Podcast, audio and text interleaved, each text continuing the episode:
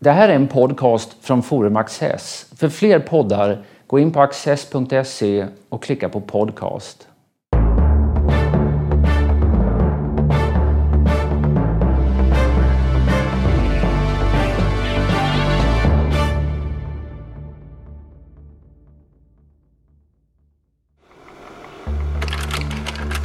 Ezra Pound är en av den litterära modernismens ledargestalter i det tidiga 1900-talet. Poet och essayist. Han inspirerade och hjälpte, påverkade och styrde en lång rad kollegor. Så har James Joyce, T.S. Eliot och Ernest Hemingway vittnat om sina tacksamhetsskulder. Men Pound nöjde sig inte med att förnya litteraturen. Han ville förnya världen och hamnade i betänkliga ståndpunkter. Anslaget i författarpresentationen i den svenska översättningen av hans litterära essäer skriven av biblioteksmannen Harry Järv är symptomatiskt. Det är allmänt känt att Ezra Pound var fascist, antisemit, landsförrädare och sinnessjuk. Karl Rudbeck, doktor i litteraturvetenskap och kulturjournalist, samtalar med Peter Luttersson. Ezra Pound var en stor poet, eller är en stor poet. Ja, men han är också en svår och bekymmersam poet. Visst är han en stor poet, men det är, det är svårt att riktigt säga hur och på vilket sätt. Det är ganska lätt att säga hur Eliot var en stor poet eller hur Yeats var en stor poet. Alltså de tre, de tre stora i den engelska modernismen. Pounds verk är ju så mångskiftande, det är så spretigt ärligt talat, så att det är riktigt svårt att säga var storheten ligger. Det är mycket möjligt att du och jag ser den lite annorlunda. Somliga vill lägga storheten hos Kantos, alltså hans stora episka verk.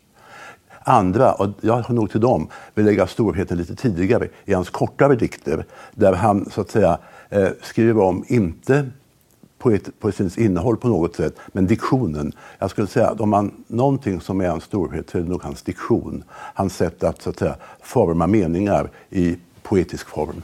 Det som gör honom kontroversiell är ju mycket sådant som, eh, ja, enligt mitt sätt att se verkligen har med poesin att göra eftersom det är en ofrånkomlig del av den, hans politiska idéer och så.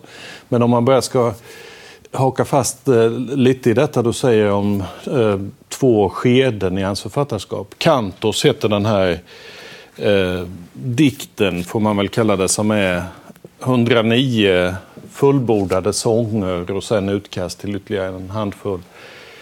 Ehm, den började han dra upp riktlinjer för 1904-1905 eh, när han är i 20-årsåldern.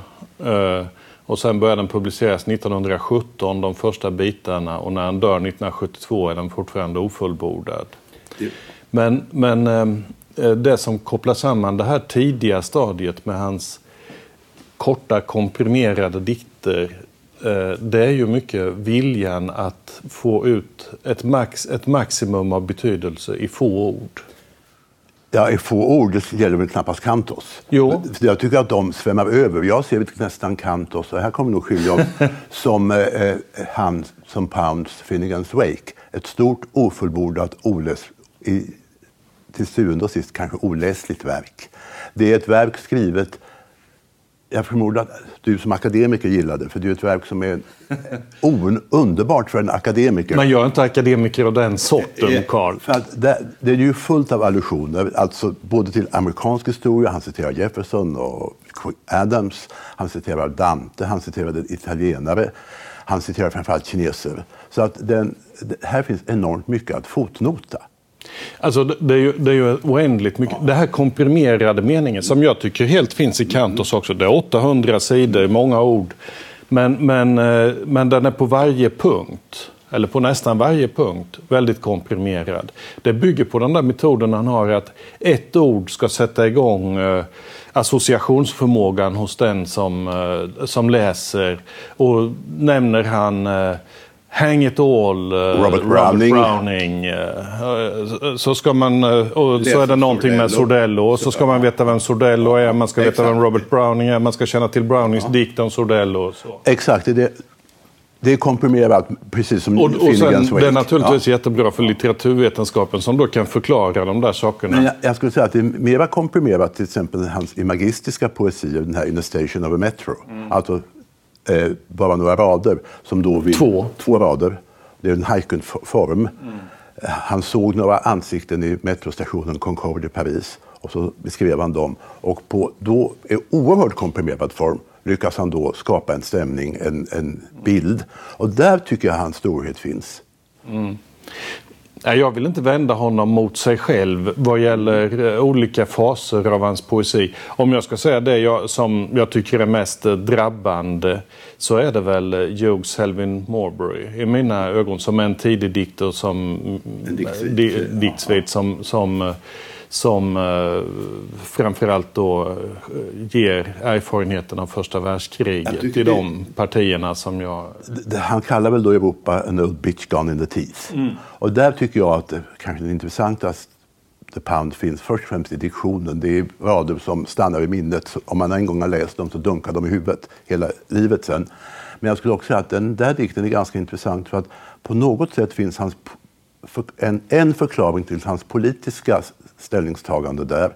För han var ju den generation som sett första världskriget. Han såg många av sina vänner dö där.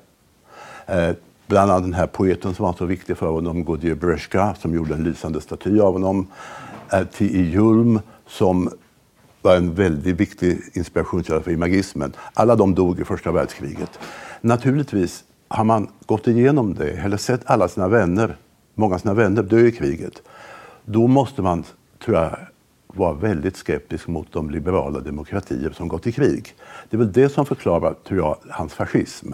Andra tog vägen åt vänster och blev kommunister istället.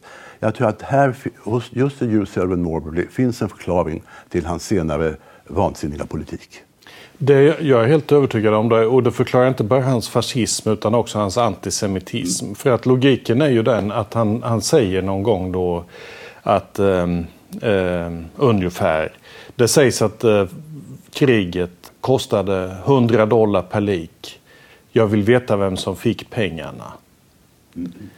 Och då, eh, då hamnar han hos bankirerna i största allmänhet och framförallt hos de judiska bankirerna. Ja, I min upplaga av Kantos så är det stora svarta överstrykningar. Den är censurerad och den är från 60-talet. Mm. Men jag tror att här finns förklaringen till hans vansinniga politik. För den var vansinnig. Jag tror att, att han hamnade på sinnessjukhus är ingen slump. Samtidigt får man säga att de idéer som 1945 gjorde att han placerades på sinnessjukhus de gjorde att han 1939, exakt samma idéer, blev eh, hedersdoktor vid Hamilton College och 1940 blev ledamot i den amerikanska eh, akademin för politik och social science. Men jag tycker väl att det var Wallace Stevens som sa det, eller sägs ha sagt det, att Ezra Pound förtjänar ett Nobelpris för sin poesi och han förtjänar att hängas för sin politik. Mm. Och jag tror att det där säger något, någonting att det är hans craftsmanship, hans, hans hantverkskunskap som gör honom till den stora poeten. Trots i, eh, så att säga, de fåniga politiska idéerna. Du kallade honom för en av de tre stora i engelsk litteratur, ja. engelskspråkig litteratur. Vi kan ju då säga att Ezra Pound var amerikan men lämnade USA i 20-årsåldern för att bosätta sig i Europa. Ja. Eh, han gjorde ett kort mellanspel i, i Venedig, sen bodde han i många år i London, kort mellanspel i Paris och bosatte sig i Italien 1924. Och blir eh, här en stor beundrare av Mussolini är kvar i Italien men är amerikansk medborgare eh, till 1945 när han omsider förs tillbaka till USA och hamnar på mentalsjukhus 13 och sen tillbaka till Italien igen tills han dör. Det var det som gör att han blir landsförrädare i, i USA. Men, men eh, för att återvända till de där idéerna. För att, att vi, kan, vi kan väl eh, säga att det banksystemet som, eh, som han är ute efter. Han, han säger att bankirer producerar krig för att skapa skulder hos stater och där man kan tjäna pengar på räntor. Det är ju den logik mm. som, man, som man kommer att arbeta utifrån. Så, så beskriver han det själv som att han gjorde en upptäckt av en politisk person som eh, vågade stå stark emot bankerna eh, och det var Mussolini. Och Mussolini tyckte han ju då förkroppsligade den amerikanska frihetstraditionen. Eh, han skrev en bok som hette Jefferson and or Mussolini där han kopplar ihop deras frihetsidéer. Men han menar att USA har lämnat de frihetsidéerna. Det såldes till Rothschilds på 1860-talet. Jag sa ju att han var galen. men, men, men, men, om man, man kan ändå beskriva de här idéerna. Man ser hur han hamnar i olika positioner. Så att säga. Ja, det, överhuvudtaget så var ju väldigt många av de stora modernisterna långt ut till höger. Mm. Eliot har inte en riktigt ren byk där heller. Nej, så att, men ändå vill jag påstå att, att Pound det var väl 120 radioutsändningar på engelska från Italien där han ryade mot eh, judar och mot kriget, eller mot, mot judar. Var han full av antisemitism. Och den där behöll han ju ända fram till slutet.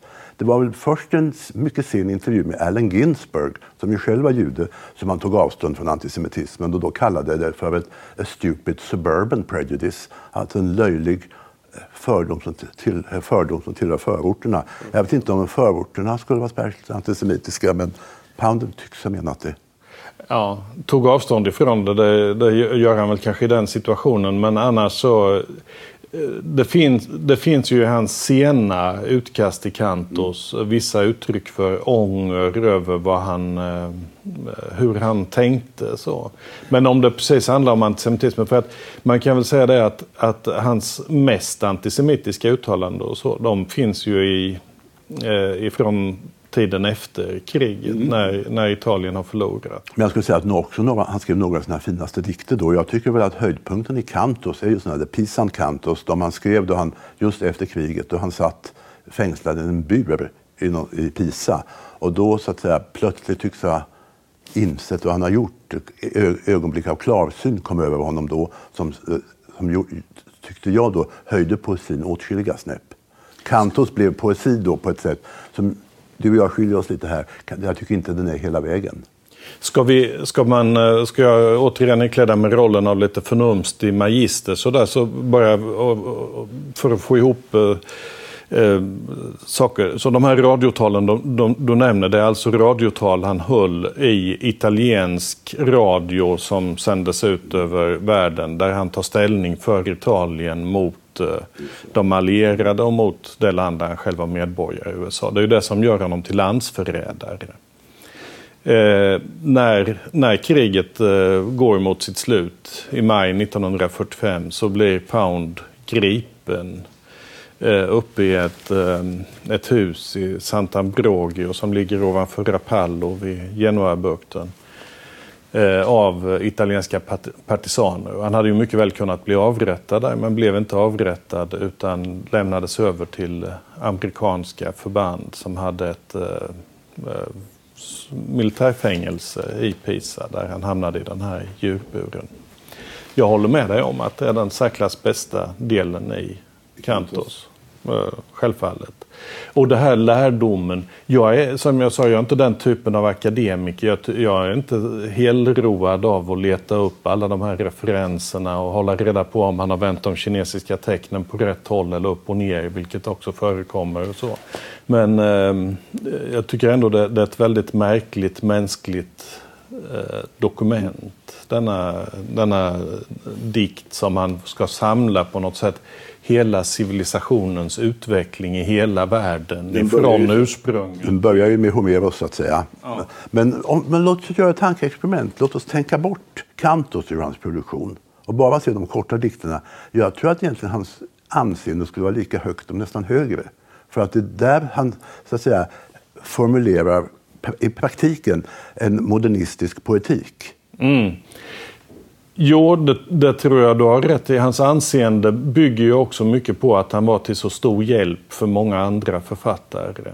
Vi skulle just komma in på det. Han, han var ju en mentor för väldigt många. Han hade massvis med små eh, publikationer, tidskrifter, där han eh, pushade för eh, de han ansåg vara betydande.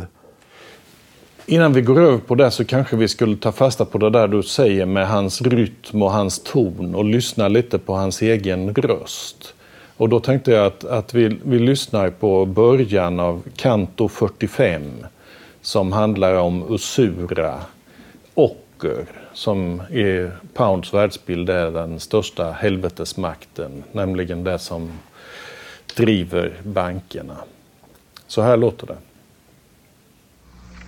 With Uzura hath no man a house of good stone, each block cut smooth and well fitting, uh, that delight might cover their face. With Uzura hath no man a painted paradise on his church wall, harpers lute, or where Virgin receiveth message and halo projects from incision. With Uzura seeth no man Gonzaga his heirs and his concubines. No picture is made to endure nor to live with, but it is made to sell and sell quickly. With Uzura sin against nature is thy bread evermore of stale rags. Is thy bread dry as paper with no mountain wheat, no strong flour? Ja, Kalle, vad, vad säger du om Pounds sätt att läsa? Har man en gång hört honom så är det svårt att glömma det. Jag tycker att det ger, ger bilden av, att, av honom, han ser sig själv som en bard. Någon som talar på så att säga civilisationens vägnar. Han eh, är in, mycket mer än bara en poet. Han, här ikläder han nästan rollen som, som romantiker. Nämligen poeten har en insikt som ingen annan har och det är hans uppgift att säga, eh, tala till världen och förklara världen för andra. Och det bryter lite grann mot hans mycket icke-romantiska poetik. Mm. Men så att säga, eh, om man hör Eliot läsa så är det en torr bokhållarstämma jämfört med denna översvallande röst. Ja, de, de här som han betydde mycket för och hjälpte på olika sätt med pengar och publiceringstillfällen och förbindelser och relationer och så. Ehm, Elliot tillhör ju den eh, kretsen och när Pound eh, efter att han hade funnits i Pisa togs till USA. Där kan man ju säga att Amerika valde en sovjetisk lösning. Man ville inte hänga honom, alltså sa man att han är sinnessjuk. Eh, var han sinnessjuk? Inte i mina ögon. Han, var, han hade otroligt dåligt omdöme. Han eh, gjorde, för, tog ställning på sätt som eh, är motbjudande. Men eh, sinnessjuk? Nej, jag tror det inte det. Judgment call som det heter. Jag vet inte om han var sinnes, men det var väl ganska klokt att inte hänga honom och göra honom till martyr. Det fanns ju de som sa, apropå det där med kinesiska, ja. att den som är frisk nog att lära sig kinesiska är också frisk nog att hängas. Om man nu lärde sig kinesiska, det, om det tvistar ju de lärde för att det är väldigt, som du sa, många av de här tecknen är ju upp och ner. Ja, men, ett. Ja. men å andra sidan så är ju många också kineskunniga som säger att han med de antagligen ganska bristfälliga kunskaperna så gick han rakt till centrum av de kinesiska dikterna. Och jag vill också påstå att många av de här kinesiska översättningarna är bland det finaste han skrivit. Alltså det är ju framförallt översättningar av Konfucius. Ja. Och om dem brukar det ju sägas att de är kanske inte true to the letter men true to the spirit. Ja, jag vet inte om, jag tycker att om man läser Konfucius i andra översättningar så är Konfucius ganska snusförnuftig. Ja, eh, det är så att säga snusförnuftet som statsfilosofi, kanske inte så dumt eh, om man ser till århundradet som har gått. Men ändå så tycker jag att eh, det, det, här, det här blir poesi på ett sätt som andra översättningar av Konfucius inte Pounds mening med kinesiska det är ju att det är det lättaste av alla språk. Genom att deras teckensystem går tillbaka på bilder så behöver man aldrig studera det för vem som helst ser ju vad det betyder. Men jag skulle också vilja gå in på en an, liten annan linje som har betydelse för honom. Det är den italienska trubadurdiktningen. Mm. Och där hittar man ju det sångbara. när vi hörde Pound läsa så ligger det ju nära sången. Mm. Och det tycker jag är en ganska viktig del av att poesin överhuvudtaget som vi kanske missat idag. Vilken poesi är sångbar idag? Det heter ju Cantos sånger. Han översatte Cavalcanti och andra trubadurer. Och där kan man ju säga att eh, det finns då impulser från det kinesiska men genom trubadurtraditionen så kommer ju också det arabiska och hebreiska in i eh, ja, via Morerna, Spanien och sen vandra till Cavalcante och Italien och eh, upp genom Dante och till Och sen får vi inte heller glömma, och det glömmer man ju lätt idag, kanske hela det klassiska arvet fanns ju hos honom.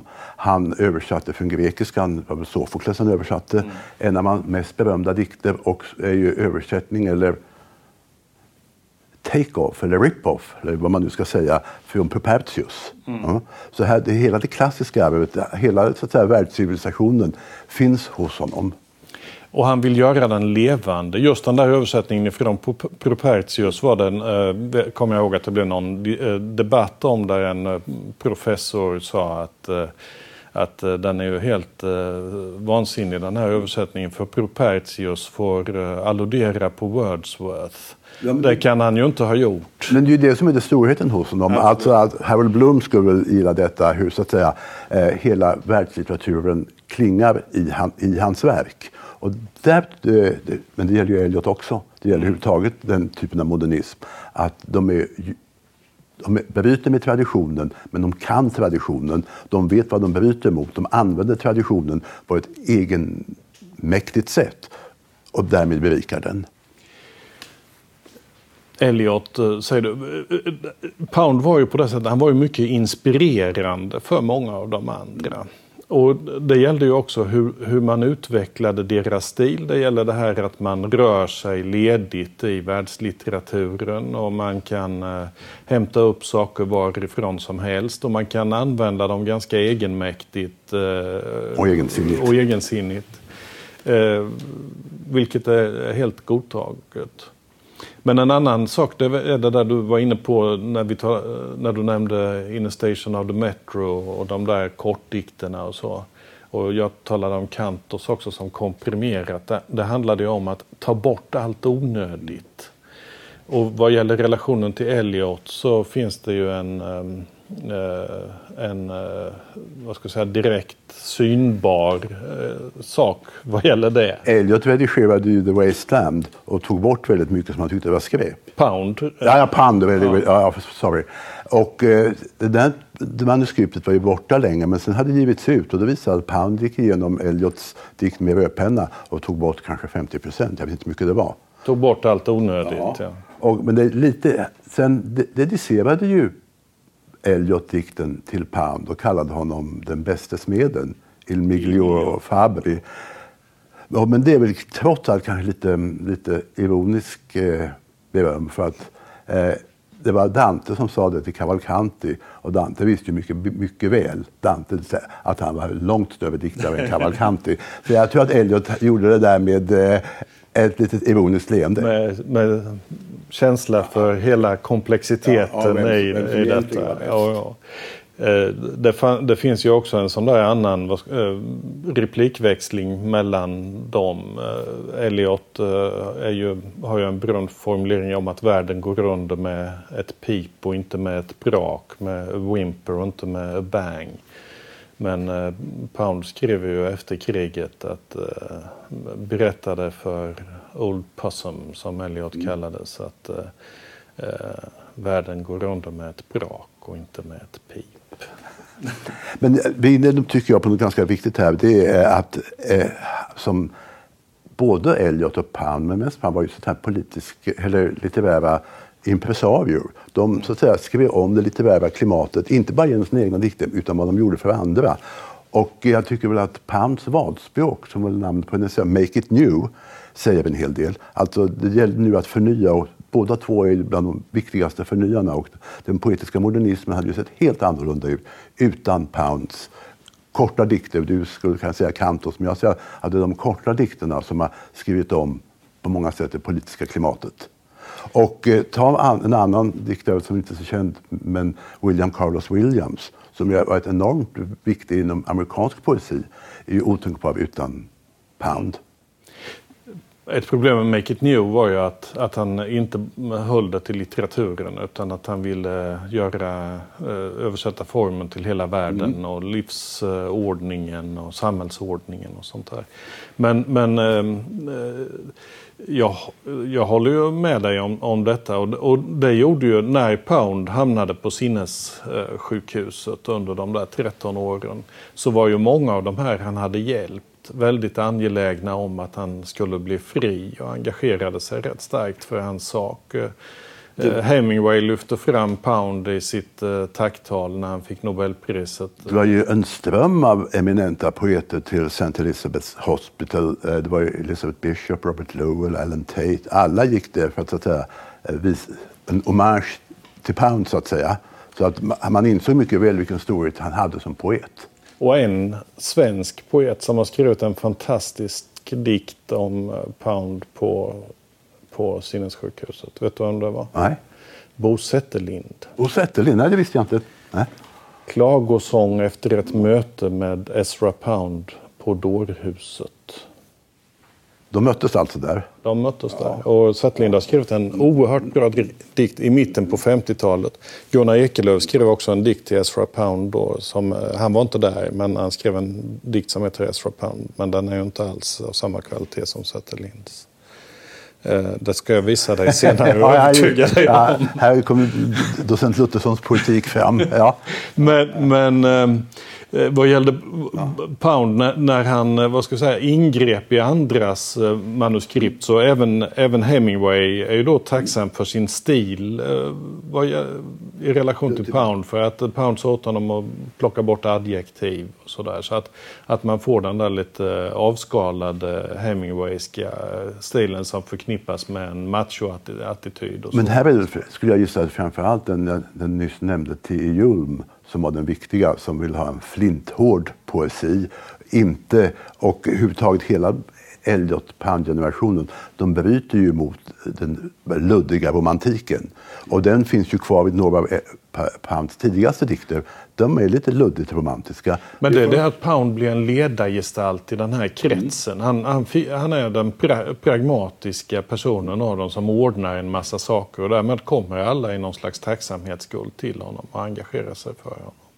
Men hur, fråga eller diskussion, vad är Pounds ställning idag? Läser man Pound idag eller är det bara vi akademiker? Ja, Jag tror inte man gör det för att eh, i och med att man har eh, vid litteraturstudiet överhuvudtaget har börjat lägga så stor vikt vid att man ska ha tänkt rätt så tappar man intresset för alla de här personerna som har tänkt fel men som är eh, väldigt eh, lärorika och mänskligt gripande att studera. Men då glömmer man ju bort väldigt många av de allra största diktarna under förra seklet. Men tror inte också ett skäl kan vara att Pound är så genomsyrad av en mycket gammal historia. Och att om inte också lärarna är det så blir det obegripligt. Mm. Jo, det är sant. Det är säkert en, en, eh, en orsak. Eh, Man, eh, Pound dog i Venedig 1972. De där sista fragmenten som finns till Cantos, det är ju egentligen det sista han skriver. De är ju någon slags ursäkter. Eh, Han ber eh, världen och framförallt sina närmaste om ursäkt för misstagen han gjorde. Eh, Att det blev eh, fel.